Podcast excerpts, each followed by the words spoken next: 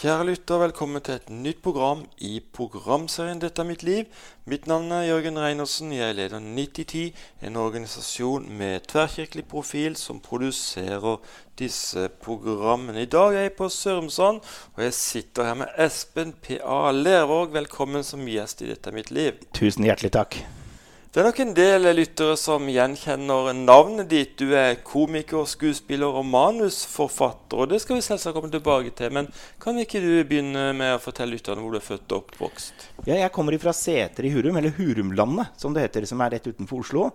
Jeg er født og oppvokst der, og så har jeg Der har jeg tråkka mine barndomssko, for å si det sånn. og der eh, vokste jeg opp med mamma og pappa og tre søsken. Eh, så jeg er liksom nummer tre i rekka. Har en lillesøster og to eldre søsken. Så det er Hurumlandet som på en måte er mitt residens. du var ganske saktig som liten? Jeg var det. Fotball. Mye fotball, mye idrett. Eh, spilte fotball Ja, det tok vel nesten eh, overhånd av alt. Det, det trumfa alt jeg hadde drevet med. Til og med skolegangen. Så eh, nei, fotball var liksom det store i mitt liv også. Men du sleit med dysleksi, men du har alltid vært kjapp i replikkene. Ja, det er vel der det, jeg har henta det inn, vil jeg tro. det kompenserte veldig for at ikke jeg fikk til dette med det skriftlig. Så da blei det vel at jeg fant ut at jeg, dette må jeg ta igjen i det verbale. og, det ble, og ja, sånn har det blitt. Altså. Så jeg snak, har snakka mye gjennom hele livet. og skravla fælt. Det er sikkert en slitsom eh, elev. du ble ikke mobba sånn pga. dysleksien? Ikke i det hele tatt. Det var jo fordi jeg var så heldig å være god i sport. Eh, så det, det gjorde jo på en måte at jeg hevdet meg i det. Så da styrte jeg unna det. Så jeg var heldig sånn. Ja, For var ikke det litt status da å være god i sport? Jo, jo. Det var det jo. og det, men jeg, jeg, tenker jo sånn at hadde man ikke hatt det å lene seg på, så hadde det nok vært tøffere skoleår enn det, den triumferden det blei. Men fotballen ble etter hvert nesten altomfattende? Ja, ganske tidlig òg. Uh, I en alder av 14-15 år så tror jeg jeg trente seks ganger i uka. Og begynte å, liksom pense, begynte å tenke karriereveier og hvordan jeg skulle rigge dette livet. Så mine videregående utdannelse er jo ikke valgt ut ifra hva jeg ville bli, men hvordan det passa best med trening.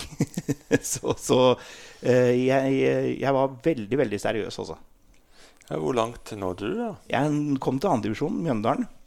Jeg kom dit som 18-åring. Eh, og det var på en måte et steg på veien i min karriereplan. Eh, så det, da var jeg kjempehappy og koste meg fælt. Eh, og, og liksom da, da, skjønte jeg at dette kunne gå, gå veien, da. Ja, men så var det en skade som stoppa det hele? Ja. Jeg har jo slitt med dårlige ankler. Eh, det er jo en del av gamet. og teipa mye ankler opp gjennom karrieren min. Men eh, jeg har hatt noen beinbrudd, og så fikk jeg et eh, som ikke jeg har liksom gjort noe med, som har blitt teipa opp. Og så fikk jeg et skikkelig beinbrudd som satte meg ut av spill i en sju-åtte måneder. Da var jeg vel 19. Og så i, gips lenge. skulle begynne opptreninga igjen. og kjente ganske umiddelbart at beina aldri kom til å bli helt bra. Og da eh, var karriera over, eh, rett og slett. Eh, ganske brutalt. Blei erklært fotballinvalid og kunne sikkert kost meg med å spille fotball nedover i divisjonssystemet, men det ikke, var ikke like gøy. Så da var det bråstopp. Og da er det kjedelig å ikke ha tenkt på skolen. ja. Ja, Du er klar for prøvespill i England òg, er du ikke det? Ja, jeg hadde flere følere ute den veien. Ja. Eh, så jeg liksom tenkte at det er det var, hadde, Den drømmen var jo der. Sånn i retroperspektiv, mm. Eh, når jeg har blitt voksen og ser meg selv nå, så tenker jeg jo at eh, kanskje jeg hadde blitt en sånn middels god tippeliga eliteseriespiller. Eh, så, så kanskje det var litt hell i uhell, da. Eh, men eh, du møter denne motstanderen, kan ikke satse på fotball Men Hvordan håndterte du det? Dårlig. Uh, jeg blei en ganske depressiv fyr. Uh, visste ikke helt, liksom For jeg har, jeg, ja, jeg har aldri liksom drevet med noe annet og blei veldig sånn identitetsløs. Det var liksom det jeg skulle drive med. Uh, og hadde via livet mitt til. så det, da blei jeg ikke i en slags sånn identitetskrise og blei vel litt depressiv, så jeg rømte jo landet etter det. Og flytta til Tenerife, hvor jeg bodde i seks måneder. Og jobba på en bar der nede eh, for å stikke unna. Eh, så det var liksom min måte å håndtere det på. Jeg har aldri vært noe god til å involvere familie og venner i sånn nære prater. I hvert fall ikke da. Eh, mye flinkere nå, men da var ikke det aktuelt, på en måte. Prøvde å opprettholde fasaden og være glad. Ja, du kom der til Tenerife og jobbet på bar. og mm. Betyr det at du begynte å drikke sjøl også? Ja, det gjorde det, det gjorde det. Jeg hadde aldri I hele min Før jeg ble 19, har jeg aldri rørt alkohol i det hele tatt. Og da begynte jeg jo å drikke. Jeg drakk vel mens jeg bodde der nede, nesten hver dag, øh, vil jeg tro. Uh, og det eskalerte bare. Uh, så, så, og det var Jeg skal ikke, skal ikke stikke det under stol, men akkurat der så var, tenkte ikke jeg at det var noe farlig eller noe kunne påvirke meg. Det var deilig, og det var en flukt fra alt det jeg ville flykte fra. Så, så men det, det, var heftig med festing der nede, ja. Ja, hva gjorde den festinga med det? Var det utsvevende liv i tillegg, eller? Ja, det var det. Eh, det var hele pakketet, eh, som jeg sier. Eh, jeg tok rubbel og bit. På en måte, man kan si Jeg tenkte vel der og da at nå skal jeg ta igjen for alt det jeg har forsaka for den fotballen. Så, så det var et ganske så umoralsk liv, hvis man kan bruke det, det uttrykket. Mm. Så, så, men, men jeg hadde liksom ikke noen tanker der om da at dette skulle være noe retningsforandrende for mitt liv, på en måte. Men da etablerte du også et slags drikkemønster da kanskje som var vanskelig å Ja, og det første, problem, det første, jeg gjorde, var jo det at uh, man drakk jo vekk problemene. Uh, så man bare dytta de vekk, og de var ikke eksisterende så lenge man hadde alkohol i seg. Så, så det er jo det første som når man ser tilbake hvor man lærer kroppen sin og hodet sitt til å ikke stå i vanskelige ting. Da. Eh, så sånn i ettertid så skjønner man at der starta det. Mm. I 2002 så mista du din mor i kreft. Eh, det må være tøft for deg? Ja, det var, det var slag i trynet nummer to. Det var den skikkelig Det var da liksom gikk fra, Jeg gikk fra å balansere på en sånn festedrikking til å bare begynne å drikke hele tiden. Fordi hun var den eneste jeg hadde Jeg har jo, jeg har jo en søskenflokk. Alle de var gift, hadde familie og hadde seg og sitt. Og jeg hadde ikke det. Jeg var alene. Eh, og når hun døde, så blei jeg stående veldig alene, følte jeg. Og, da, og hun var på en måte klippen og den som Eneste som kunne vel eh, på noe som helst måte snakke rett inn i livet mitt. Uh, uten at jeg steila. mm. Så når hun ble borte, så var det helt bekmørkt. Uh, og da, jo, eskalerte jo drikkingen. Uh, gikk over til å drikke hver dag i jobbsammenheng, på jobb, og være veldig mye aleine. Og jeg klarte å opprettholde en fasade òg, så det var ingen som skjønte det ganske sånn umiddelbart. Men da, var det, da, da så jeg liksom ikke noe Skjønte jeg ikke hva jeg skal gjøre i det hele tatt, egentlig. Hva arbeider du med da? Hva sa du? Hva jobba du med? Da, jeg jobba med masse forskjellig. Men jeg, var jo mye i, jeg begynte som kurer i DHL. Kjørte bil. Eh, det er ikke så bra. og så, og så, eh, men der, der rakk drakk nok ikke jeg kjørte bil der, men der begynte jeg liksom å, å, å Ja, der begynte jeg, mitt liv da å ødelegge for jobben min. Hvordan jeg levde. Og så begynte jeg i salg. Jobba som salgsleder. Så jeg, jeg klarte liksom å skaffe meg fine og gode jobber pga. snakketøyet. Um, og, men jeg, etter hvert som drikkinga ble et større og større problem, så ble jobbsituasjonen kortere og kortere fordi du måtte ja, jeg, jeg, skjønte jo etter hvert at nå må jeg slutte, ellers så får jeg sparken. Mm. Men det siste jobben jeg hadde, var i Hafslund. Salgssjef var jeg da. Og da, da fikk jeg jo sparken, rett og slett. Eh, og skjønte da at nå, nå da, Ja, det var siste kroken mot døra. Og samtidig så mister du leilighetene du leier fordi du opparbeide deg gjeld fordi du har et kjempeforbruk. Så det var liksom hele snøballen, og den var jo i ferd med å begynne å klappe sammen. da. Når du da fikk sagt opp, var det pga. fyll på jobben? Ja, det var det. Eh, på grunn av jeg, jeg tok jo Jeg festa jo Ja, jeg brukte mer tid på å feste enn å jobbe, egentlig. Eh, og mi, klarte ikke å fokusere på det jeg skulle, og gjorde ikke oppgavene mine. Så hadde jeg vært sjefen min, så hadde jeg sparka meg, jeg òg. Ja, du drakk etter hvert daglig. Du mista jobben pga. drikking. Når kom du til en erkjennelse hvor du forsto at det er faktisk et problem? Eh, det kom eh, ja. Da var jeg eh, Da hadde jeg mista en leilighet til. Måtte flytte hjem til pappa. Og hadde ikke noe jobb å gå til. Eh, fløy rundt og drev dank. Eh, han var jo snill mot mannen. Jeg fikk bo der.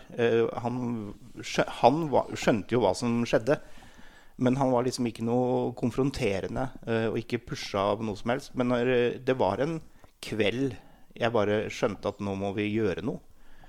Uh, og det er første gangen jeg er, sa det til noen at nå må vi ta tak i dette problemet og gjøre noe. Og vi må gjøre det nå. Og da Pappa er jo gammel uh, trekkspilltraver. og har spilt i alt av uh, bedehus uh, på, hele, på, hele, Østlandet og mange steder i Norge. Og han har jo vært mye involvert i Evangeliesenteret. Så fra, det tok det ti minutter, tror jeg. fra jeg sa det til han, til han hadde ordna plass til meg inn på inntakssenteret i Oslo først og kjørte meg rett inn dit. Eh, og det var liksom starten på noe nytt, da. Eh, selv om du ikke hadde, var ikke så høy i hatten når du stakk huet inn den porten der, men da, da handla vi på at motivasjonen var der akkurat der og da. Mm. Og Det ble veldig spennende å høre hva, hvordan mottakelsen var der på Evangeliesenteret. Men først har du valgt en sang. Ja, det har jeg. Uh, og den sangen jeg har valgt, uh, den heter Skal vi se, nå skal jeg bare finne igjen her. Eh, det er en eh, artist som heter eh, Christian Hesselberg. Har du hørt om han? Er, er en, han er fra Sørlandet, tror jeg. og han har en sang som heter 'Heartbeat Symphony', som jeg hadde i bryllupet mitt. Eh, som eh, har betydd mye for meg. Derfor også var det da utgangsmarsjen i bryllupet til meg og kona mi for elleve år siden. Så jeg kan jo bare oppfordre folk til å høre på teksten. Du lytter på programserien 'Dette er mitt liv'. I dag er det Espen P.A. Lervåg som er gjest. Som er jo da komiker, men akkurat det han har fortalt til nå, har ikke så mye å le av. For han har jo virkelig opplevd tøffe ting. Og jeg sitter faktisk i hans hjem her i Sørumsand, som ligger i Viken. Ikke så veldig langt ifra Lillestrøm. Eh, Espen, eh, du fortalte at eh, du kom til din far. Han sier du må reise til evangeliesenteret for å få hjelp. Hva skjedde der? Nei, Der skjedde jo det at uh, jeg var innom et inntakssenter hvor jeg, på en måte jeg fikk være et par-tre dager og lande og få, det, få for første gang på veldig lenge all rus og alkohol ut av blod. da. Og så begynte jo da dette Da jeg, så skulle jeg flytte til Østerbo uh, i Halden. Uh, og blei kjørt dit. Og ble, fikk et rom, en seng. Og jeg har aldri i hele verden følt meg så liten og utilpass og fremmed noe sted som jeg gjorde akkurat der. Uh, og tenkte sånn akkurat i begynnelsen at dette kommer, all, dette kommer aldri til å gå. Uh, her kommer jeg aldri til å overleve. Uh, og jeg var jo ikke noe sånn Der er det jo masse rusmisbrukere som kommer rett fra gata. Uh, men du har også sånne som meg, som tilsynelatende har, eh, har, har, det godt og har aldri bodd på gata, aldri mangla penger, aldri mangla klær. Eh, så du følte liksom at du var et sted hvor ja, du tok fra noen andre muligheten. Sånn følte man litt i begynnelsen. da. Eh, men så kom jeg meg gjennom den kneika det der var. Og, og, begynte sakte, men sikkert da. Det som var deilig når du kom dit, var jo at du blei skjerma fra alt det føsset og det bråket og tullet du hadde vandra i før. da. Så det, alt sånn som regninger du ikke kunne betale, post, alt det der var borte. Så du hadde liksom tid og mulighet til å liksom starte på nytt egentlig, og begynne å, å tenke og bruke huet sitt på, på hvordan man ville leve livet videre. Du sier det var borte. Var det noen egne folk som tok seg av regningen? Ja, de hjalp deg med å sette de tinga i bero. De blei ikke borte, for det, du må jo gjøre opp for deg en eller annen dag. sånn, er, sånn, er, dette landet, og, og det, det, sånn må det være. Men akkurat det der å, å ta tak i de tingene, få oversikt over alle, alt økonomiske rotet, Sånn fikk du hjelp til.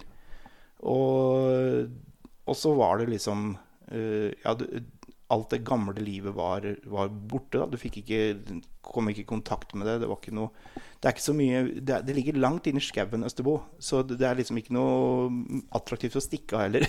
For, for jeg tror du kan møte mye skummelt inne i skauen der. Så du var på en måte avskåret fra resten av verden. Da. Og det var veldig behagelig i begynnelsen.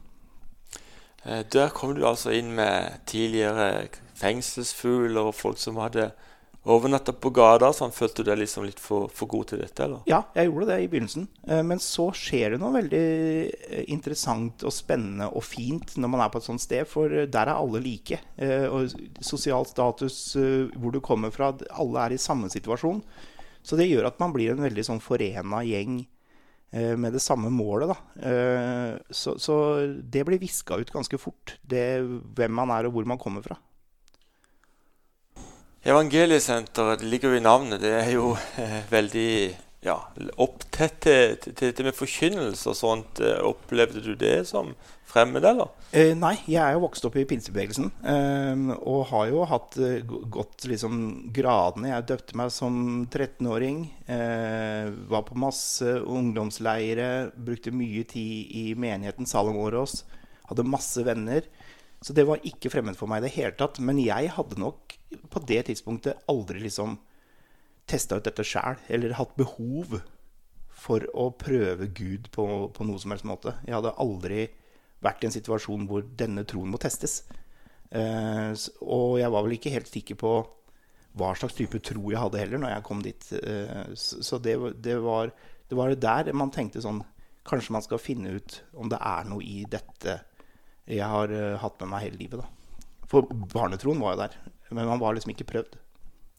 Dere satt i stuen tenker jeg, og samtalte litt og, og hadde litt sang og musikk og dette her, så du, du følte det var ålreit å være med på? Eller? Helt kjempeålreit. Selv om sang og musikken var ikke liksom noe jeg var vant til, eller noen ting, men det, det gjorde meg ingenting, og jeg hadde ikke noe uh, Det føltes fint, og det, alt som blei gjort der, blei gjort med hjertet, på en måte, og det merker man jo. Da kan man synge sanger som ikke på en måte du er vant til. Så lenge det gjøres med hjertet, så merker man jo det.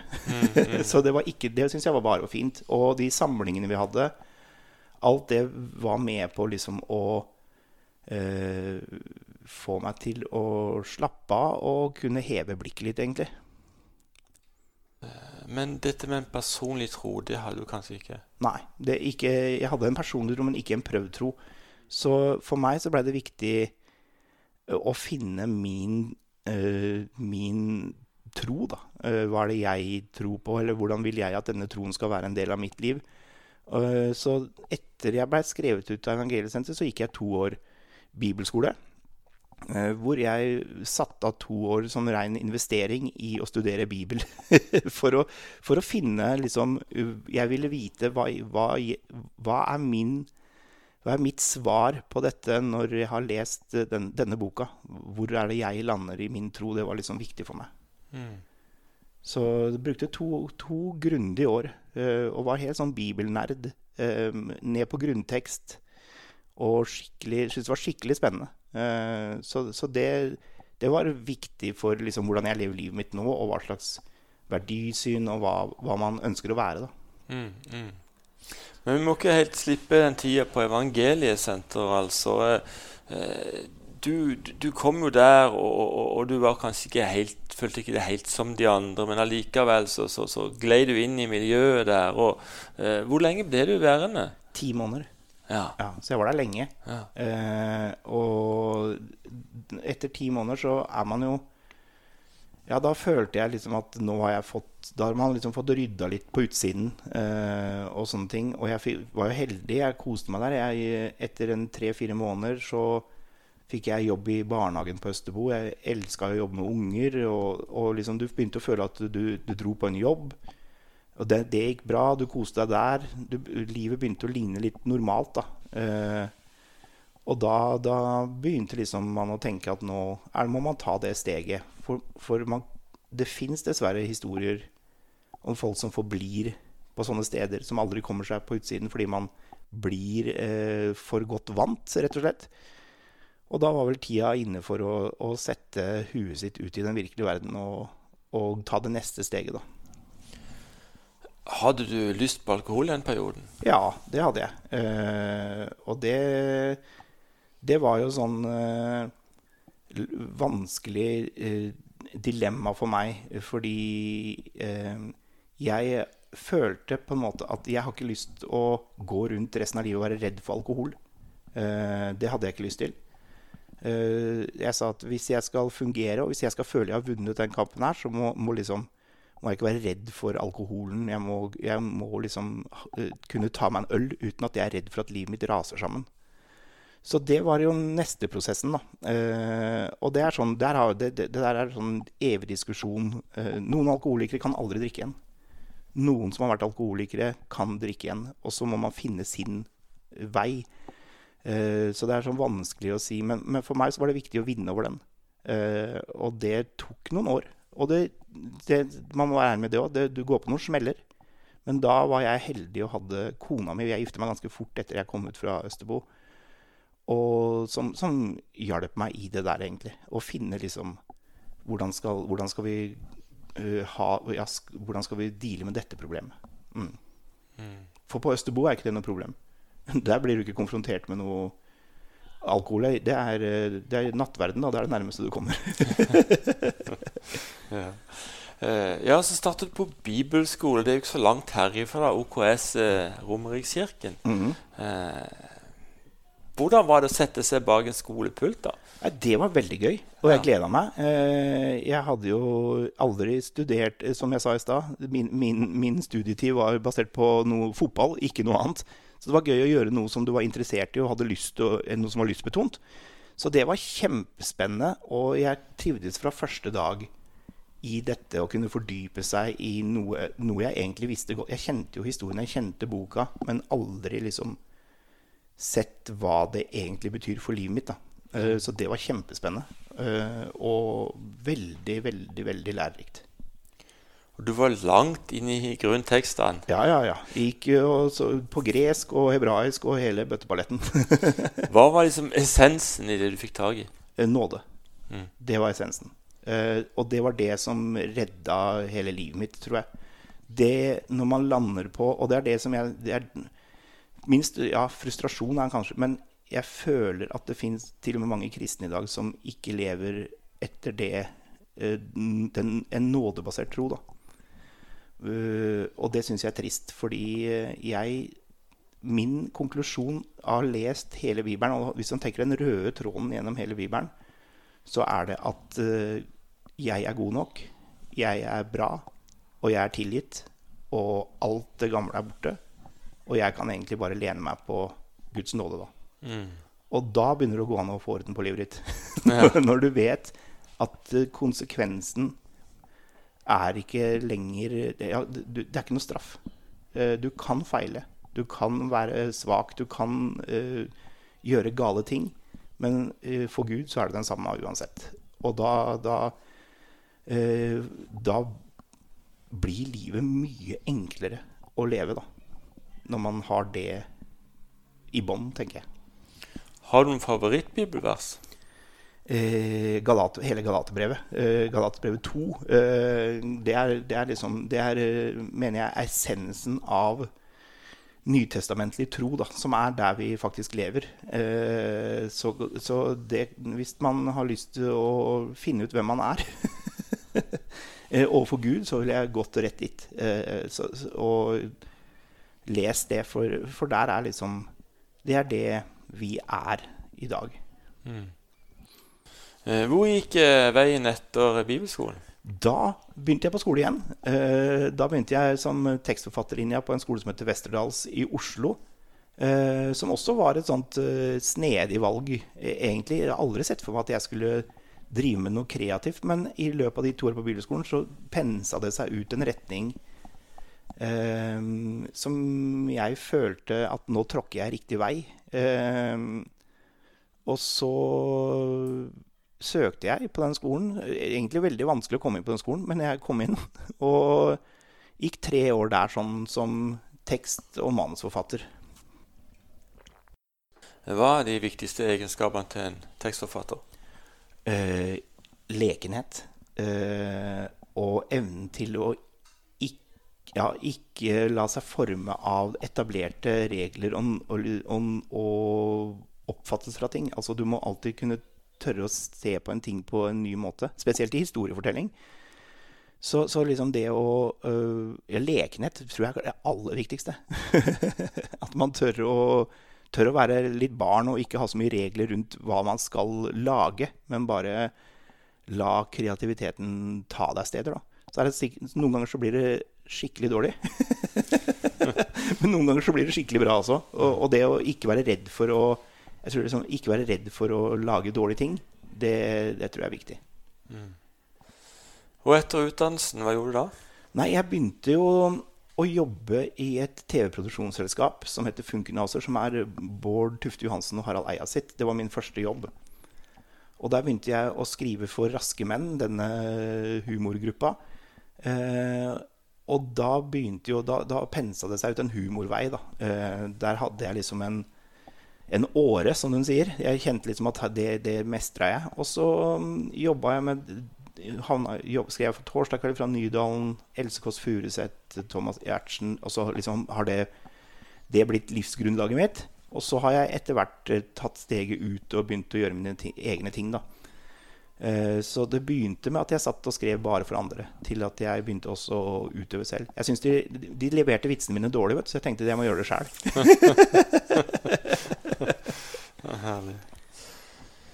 Ja, vi skal videre i livet ditt, eh, Espen, men du har valgt en sang til. Det har jeg. Og denne sangen, det er uh, Rudi Myntvik. Og uh, den heter 'Klamrer'.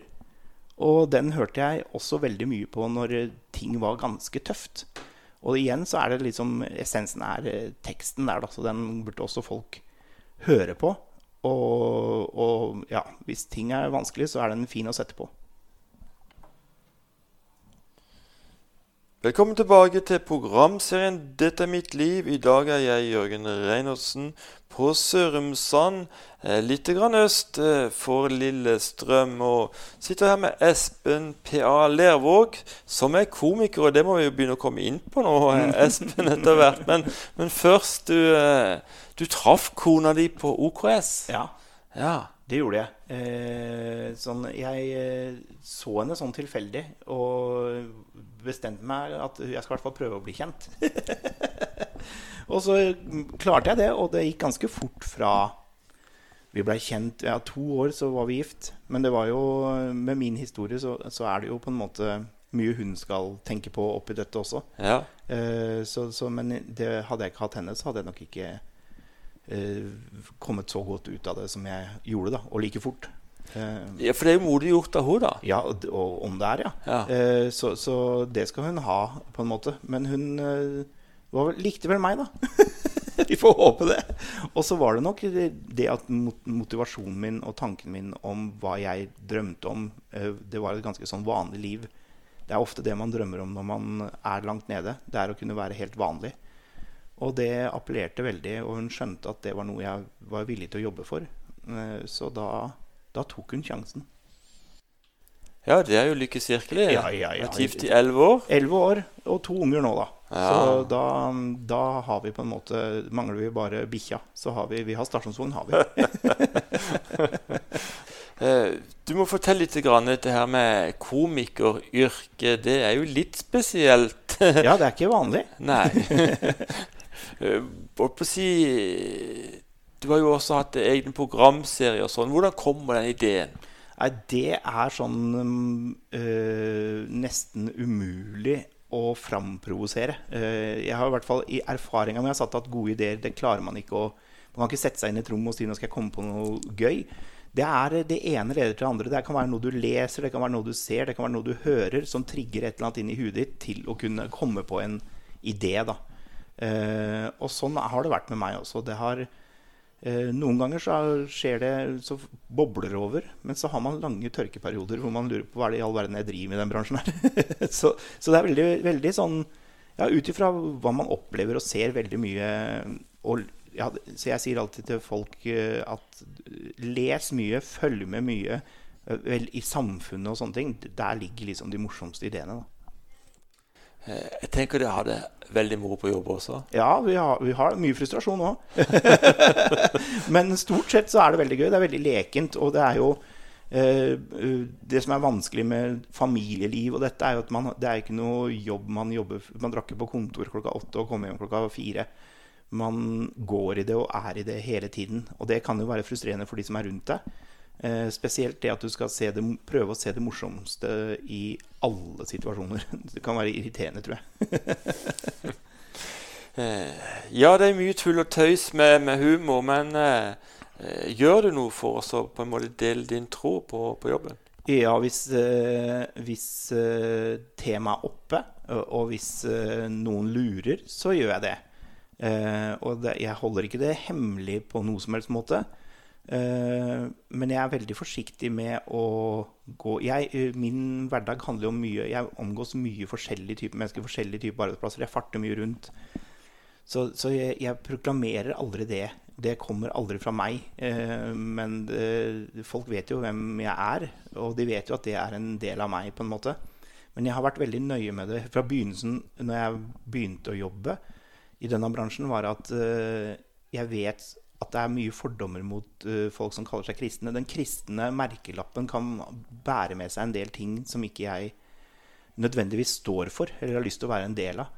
Så da er det bedre at de blir kjent med mennesket først og vet at de tingene, de tingene ikke er naturlig for meg, på en måte. Uh, og sånn blir jo da, da Da blir det enklere for de å snakke med meg og forholde seg til det, egentlig. Du er blitt kalt uh, kongen av Instagram. Er dette den viktigste kommunikasjonskanalen du har? Ja, en av de. Uh, Det er jo det på en måte som eh, Det, det er jo mitt utløp, kaller jeg det. Det er jo der på en måte de kjappe uh, skråblikka, de kjappe ideene får plass, på en måte. Så det, det, det er en av mine det er, det, ja, det er den kanalen hvor jeg føler at terskelen er lavest, men man får gjort mye gøy, da. Så det, det er noe jeg liker å holde på med. Det Et fint medium. Lengter du av og til etter et annet yrke? Å ja. Ofte har jeg lyst til å kjøre eh, trailer.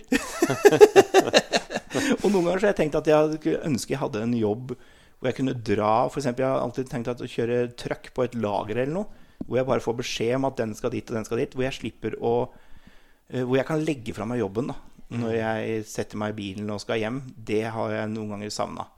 Eh, og så savner man jo Jeg er jo frilanser, vet du. Man savner jo eh, det å kunne få vite at eh, 15. eller 1. så kommer det lønn. det, det, det kjenner man jo på. Og det er ofte eh, Men nå har det gått bra med meg, og det har gått bra enn så lenge. Eh, men den tryggheten der, den kjenner man jo mer og mer på etter hvert som unger blir større. Eh, Det var lettere før. Det var lettere det var meg og Karoline at jeg kunne gå en måned eller to uten at det var noen prosjekter. Sånn er det ikke lenger. Vi må, de skal ha mat, og de skal ha klær, og de, de er dyre i drift. Men eh, heldigvis da, har jeg kommet meg til et sted hvor prosjektene fortsatt kommer, og forespørslene kommer. Så får vi se. Eh, Kanskje en dag man velger å gå inn med noe mer fast, men garantert innenfor samme bransje, da. Så hvis jeg spør eh, hva Espen Levergø om ti år, da er svaret? Eh, Jeg håper f.eks. at jeg kan ha mitt eget produksjonsselskap. Uh, Og lage de tingene jeg mener det lages for lite av i Norge, da. det er på en måte drømmen. Ja, dette med, med tro, eh, Espen. eh, Føler du blir respektert i ditt miljø? Ja. Og jeg føler at respekten for tro generelt er mye større i samfunnet vårt enn det, det mange tror, da, eller mener eller oppfatter. Jeg tror det handler mye mer om eh, hvordan man lever livet sitt med den troa. Eh, og jeg tror eh, den generasjonen som vokser opp nå, tror jeg har en mye mer sånn raushet i seg eh, overfor folk eh, med forskjellig tro og bakgrunn. Jeg tror de er rausere. Eh, så jeg tror det er enklere for de som vokser opp nå, å kunne kalle seg en troende enn det var på 90- og 80-tallet. Det tror jeg. Så jeg, jeg, jeg føler at eh, jeg har aldri jeg, tror, jeg kan ikke si jeg har følt at det har vært noe agg eller noe skepsis i mitt miljø mot det. da. Eh, hender det du kommer så tett på folk at de på en måte eller, ja, Noen som deler at de rett og slett er litt undercover og kristne? holdt jeg på Ja, ofte. Og, det, og, og, i min bransje det, det er, der skulle man tatt en runde. Fordi i kreative yrker, musikk, Norge, hvis man ser, så har så mange menighetsbakgrunn. Eh, fordi der har man fått boltre seg. Der har man fått holde på. Man har fått, jeg tenker jo sånn, Det er ikke vanlig at en, si en 13-14-åring da, eh, som vokser opp i det landet her, som er interessert i musikk, de må ofte stå i en uh, kjeller med noe gammelt utstyr. Mm. Mens de der uh, bortskjemte unga som vokste opp i Menighets-Norge, sitter og dundrer på lydutstyr til mange mange hundre tusen. Så har vi har fostra veldig mye musikere, kreative mennesker pga. det at de har et miljø som har uh, stimulert de tingene. da. Så, så, det fins mange skapkristne i norsk kulturliv, det skal jeg love deg.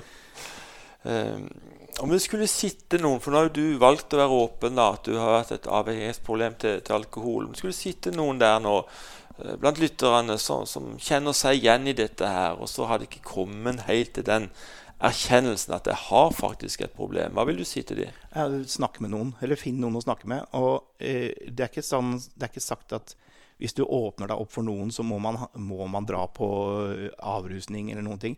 Men det er utrolig viktig at noen Du har én eller to i livet ditt som du kan snakke med. For det der tausheten og det å gå og bære på ting sjæl, det er liksom roten til alt vondt. Og det gjelder Jeg tror eh, ingen, ingen velger å drikke.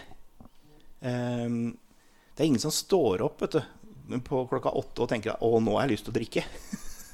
Det, er ingen, det, det, er et annet problem der som gjør at du må drikke. Og så er det å kartlegge og finne de problemene og så ta tak i de tingene.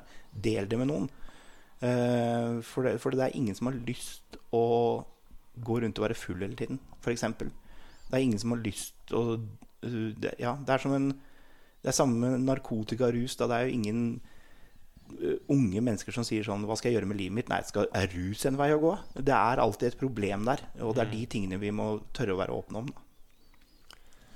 Ja, det er jo akkurat dette her med åpenhet, altså. Eh, men det kan erkjennelsen kan sitte så veldig langt inne. Ja. Det er mye stolthet i oss òg, vet du. Ja, det det. Eh, så, så, og det er jo en fasade som sprekker. Det er jo et problem man ikke vil vedkjenne seg. Men jeg tror jo at øh, øh, gevinsten med å, å, være åpen om det er så mye større enn å, enn å sitte der alene og male med det sjøl. Det er i hvert fall min erfaring. Har du også noen ord til de som måtte være pårørende? Din far grep jo inn her og fikk det på Evangeliesenteret. Ja. ja, jeg tror nøkkelen ligger i å være kjærlig. Eh, kjærlighet er liksom nøkkelordet i alt. Men det er, som pårørende òg, det er vanskelig å gripe inn i de problemene før den erkjennelsen ligger, til, ligger på bordet. Da. Og jeg tror ikke man klarer å provosere en fram. Jeg tror det er, For mitt vedkommende så må måtte jeg, jeg måtte komme så langt ned at den erkjennelse Og det er jo skummelt, og det, det høres sikkert skummelt ut òg, men det er dessverre sannheten noen ganger. da. Og jeg ser jo sånn fra min tid på evangeliesenteret òg, det er folk som har hatt tre, fire, fem, seks forsøk, og så skjer det noe, og så går det bra.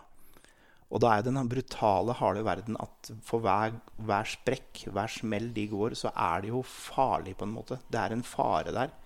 Men som pårørende så har du ikke noe Det er ikke din skyld. Og det rammer hvem som helst. Og det handler ikke om noe annet enn at det er helt tilfeldig hvem som havner i rus. da. Og det må de pårørende huske på, at uh, de, de, de, har ikke gjort noe gærent. Det er uh, folk sine valg, på en måte. Ja, da takker vi deg så mye, Espen P.A. Lervåg, for at du takker ja til å være med i denne programserien som heter 'Dette er mitt liv'. Må Gud rikelig velsigne deg, din familie og ditt virke i årene fremover. Tusen takk. Det er også slik at vi i 9010 har en bønnetjeneste. Om du ønsker vi skal be for deg, eller om du kan tenke deg å bli en bønnepartner og motta en gratis SMS med bønnebegjær ca. én gang i uka, så ta veldig gjerne kontakt. Kjære lytter, det er viktig at du får tak i de gode nyhetene i evangeliet. Det handler ikke om å ta seg sammen eller å passe inn i et mønster og bli som alle andre. Som Espen delte, så er det avgjørende at du får tak i nåden. Paulus beskriver det slik i Efeserbrevet kapittel 2 fra vers 8. Slik er frelsen en gave fra Gud, gitt av bare nåde. Frelsen kommer ikke som et resultat av våre handlinger, men fordi vi tror at Gud gir oss den av bare nåde. Derfor kan ingen skryte av at de har gjort noe som helst for å bidra til sin frelse. Vi er skapt av Gud, og vi er Hans verk. Derfor er vi beredt til å gjøre gode gjerninger som Gud på forhånd har bestemt for oss, slik at vi skulle vandre i dem. I Johannes evangelium kapittel 3 vers 16 og 17 så står det For Gud har elsket verden så høyt at han ga sin eneste sønn for at alle som tror på ham, ikke skal gå fortapt, men få evig liv. For Gud sendte ikke sin sønn til verden for å dømme den, men for å redde verdens mennesker. Og jeg leste da ifra Hverdagsbibelen. Evangeliet er veldig enkelt, ser du. Om du som lytter på dette programmet vil ta imot Jesus som din Herre og Frelser, og begynne å vandre sammen med Han i Hans ferdiglagte gjerninger, kan du be denne bønnen etter meg. Jesus, jeg kommer til deg nå slik som jeg er. Tilgi meg for mine synder. Jeg omvender meg og tar imot deg som Herre og Frelser. Takk at jeg nå kan kalles et Guds barn fordi ditt ord sier det. Vi vil veldig gjerne komme i kontakt med deg som ba denne bønnen. Vi vil gjerne få mulighet til å sende deg et gratis Nytestamente sammen med noen bøker, og sette deg i kontakt med en menighet der hvor du bor. Kontakt meg, Jørgen Reinersen, på Facebook, eller du kan inn på vår hjemmeside 9010.no. Dette staves slik N-I-T-T-I 10.no. La meg også få be en bønn for deg som akkurat nå sitter i et klister du ikke kommer ut av. Det kan være du har en avhengighet som Espen opplevde, eller andre ting du virkelig ønsker å bli fri fra, og som du ikke makter på egen hånd. Kjære Gud, jeg kommer til deg i Jesu navn. Du er stor, du er mektig. Ja, du er allmektig. Du ser den enkeltes situasjon. Du ser de som sliter, og som trenger en forvandling i sine liv. Jeg ber om motivasjon til å oppsøke hjelp, Herre.